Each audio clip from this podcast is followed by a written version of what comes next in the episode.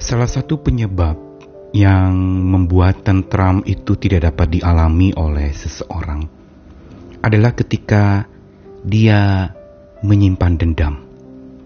Bukan saja disimpan dendam itu, tapi dierami lama-lama menetas menjadi kebencian. Dan kalau sudah demikian, maka tenteram pun akan hilang. Sepanjang hidup, orang yang menyimpan dendam tidak akan pernah tenang hidupnya. Tidak akan ada tentram yang memimpin hatinya. Yang ada adalah penuh dengan segala macam kecaman, penuh dengan segala macam kebencian, lama-lama jadi kekejaman. Dan bukan tidak mungkin, dendam itu bisa menggerakkan untuk seseorang, bukan saja membungkam orang lain dengan cara mendiamkan, tapi membungkamnya dengan cara melampiaskan dendam dalam bentuk tindakan-tindakan anarkis yang menghabisi, bahkan bukan tidak mungkin untuk dia membunuh. Dan orang yang menyimpan dendam bukan saja dia ingin melampiaskannya kepada orang yang bersalah kepadanya, tetapi dia sendiri juga secara pribadi sulit untuk menerima maaf. Sulit untuk menerima orang, orang lain minta maaf, dan sulit juga untuk menerima dirinya dimaafkan. Inilah sebenarnya pergumulan seseorang yang berjuang untuk bisa tenteram. Tetapi memang dendam itu bisa muncul di dalam diri setiap orang siapa pun juga. Karena pada dasarnya manusia dengan segala kedagingannya tidak mudah untuk melupakan kesalahan orang lain. Dia ingat-ingat terus. Kebaikan mudah dilupakan, tapi kesalahan selalu diingat sepanjang hidup sampai akhirnya membuat hidup jadi redup. Lama-lama tidak ada lagi yang namanya kehidupan penuh sukacita dan syukur. Dan tentram pun jelas-jelas akan raib dari hidup orang itu. Karena itu, kita perlu kembali membangun sebuah kehidupan yang tentram dan mengusir segala macam dendam yang menetap dalam hati. Dengan cara apa?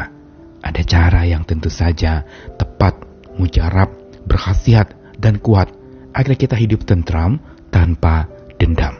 Saya Nikolas Kurniawan kembali menemani di dalam Sabda Tuhan hari ini dari dua ayat yang pertama di dalam Matius 18 ayat 33 Bukankah engkau pun harus mengasihani kawanmu seperti aku telah mengasihani engkau?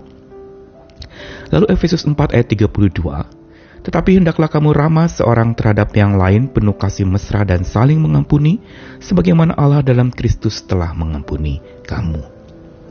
Matius 18 ayat 21 35 berbicara tentang ajaran Tuhan Yesus mengenai pengampunan. Ada seorang murid Petrus yang bertanya, Berapa kali aku harus mengampuni sesamaku yang berbuat salah kepadaku? Lalu jawab Yesus 70 kali 7 kali. Lalu Yesus menguraikan dan menjelaskan makna dari penjelasannya itu dengan mengisahkan tentang seorang yang punya hutang banyak. Dan ketika dia ditagihkan, hampir dibunuh karena dia tidak dapat membayar hutangnya, tapi akhirnya berbaik hatilah. Belas kasihan Tuhan yang membebaskan dia dari hutang.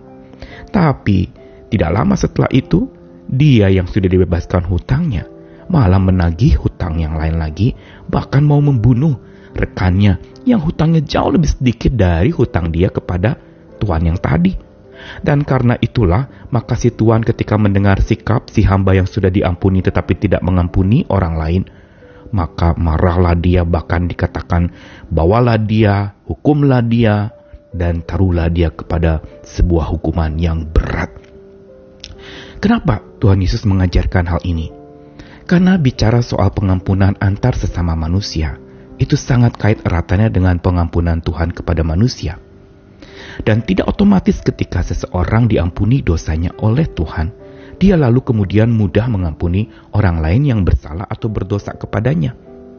Dan dalam hal inilah, maka betapa perlunya aliran pengampunan itu dialirkan dari hidup kita yang sudah menerima pengampunan dari Tuhan. Kalau maaf dari surga saja sudah dicurahkan, mengapa kita tidak mau maaf-maafan di bumi ini? Dan yang paling sulit lagi adalah ketika seseorang sulit untuk bisa menerima dirinya sudah dimaafkan. Ini yang menjadi problem dalam kisah perumpamaan yang Yesus ajarkan. Mengapa hamba yang sudah dibebaskan hutangnya, dia tidak bisa membebaskan hutang dari rekannya yang lain? Karena dia sendiri masih dipenuhi dengan sebuah penolakan, ketidakikhlasan, tidak bisa terima diri sudah diampuni. Dia tidak bersyukur untuk pembebasan hutangnya, tapi dia masih tagih lagi ke orang lain, padahal dia sudah tidak punya hutang lagi. Dan di sini kita lihat bagaimana seseorang yang sulit menerima diri sudah dimaafkan. Matanya sudah dibutakan, tidak bisa lagi melihat anugerah. Yang dilihat adalah hukuman, yang dilihat adalah mata ganti mata, gigi ganti gigi. Kalau dia berbuat salah, harus dihukum. Tidak ada belas kasihan. Tetapi Tuhan kita kaya dan penuh dengan belas kasihan. Dia saja menerima kita, dan Dia mengampuni kita, memaafkan kita, tapi mengapa kita sulit menerima diri kita sudah dimaafkan olehnya? Dan menerima diri untuk sadar bahwa ia sudah dimaafkan, perlu ada kekuatan yang tentu saja dari Tuhan, yaitu jiwa yang terus hidup tenteram dekat Tuhan, punya hubungan yang dekat dan dengan kekuatan Tuhanlah, maka dia tidak akan lagi mudah mendendam. Karena tentram dekat Tuhannya lah yang membuat ia bisa terima diri sudah dimaafkan. Inilah kekuatan yang penting yang kita perlu terus raih, perlu terus alami.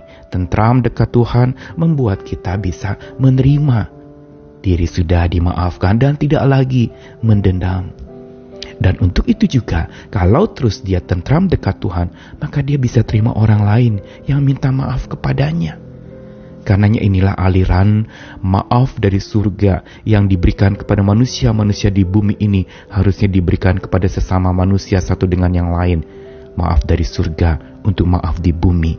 Agar tentram tanpa dendam itu tumbuh di dalam hubungan antar manusia. Karenanya mari hari ini kita periksa diri kita. Apakah jiwa kita sungguh sudah hidup tentram dekat Tuhan? Kalau masih ada dendam berarti kita belum benar-benar tentram dekat Tuhan masih punya kedagingan yang memimpin kita. Orang yang hidup tentram dekat Tuhan berarti bergaul karib dengan Tuhan. Selalu hidup di dalam sebuah kenyamanan, ketenangan, dan terus menjalin relasi dengan Tuhan. Di dalam penghiburan dari Tuhan, juga peneguran dari Tuhan, dan bertumbuh bersama dengan Tuhan dalam relasi yang karib. Dan orang yang seperti ini tidak akan mudah mendendam. Tentu saja perlu proses dan hidup tentram yang dekat Tuhan ini punya kekuatan dan bukan tidak mudah mendendam saja, tetapi juga membuat dia terima diri sudah dimaafkan. Sudah betul-betul dia diterima oleh Tuhannya dan dia mengamini, mengimani. Untuk itu dia juga akan mudah sekali untuk memberi maaf kepada orang lain, memahami, mengerti, menerima, bahkan mengasihi orang yang masih berbuat jahat kepadanya dan di sinilah kita lihat bagaimana kekuatan ketentraman dekat Tuhan itu menjadi andalan kita. Supaya tentram kita yang dari Tuhan itu sungguh tidak pernah akan dirusak lagi oleh dendam. Karena tentram kita jaga terus, hubungan dekat Tuhan kita terus bangun. Dan di dalam itu semua, maka setiap kita bisa bertumbuh makin hari, makin baik, makin memuliakan nama Tuhan, dan makin hidup di dalam maaf-maafan yang dalam karena maaf dari surga membuat maaf di bumi bisa terjadi. Mari kita hidup di dalam pintu maaf yang selalu terbuka kepada orang lain karena pintu maaf Tuhan selalu terbuka juga untuk kita. Tuhan mengasihi kita sekalian, belajar terus, bangun relasi, karib dengan Tuhan, karib dengan sesama. Amin.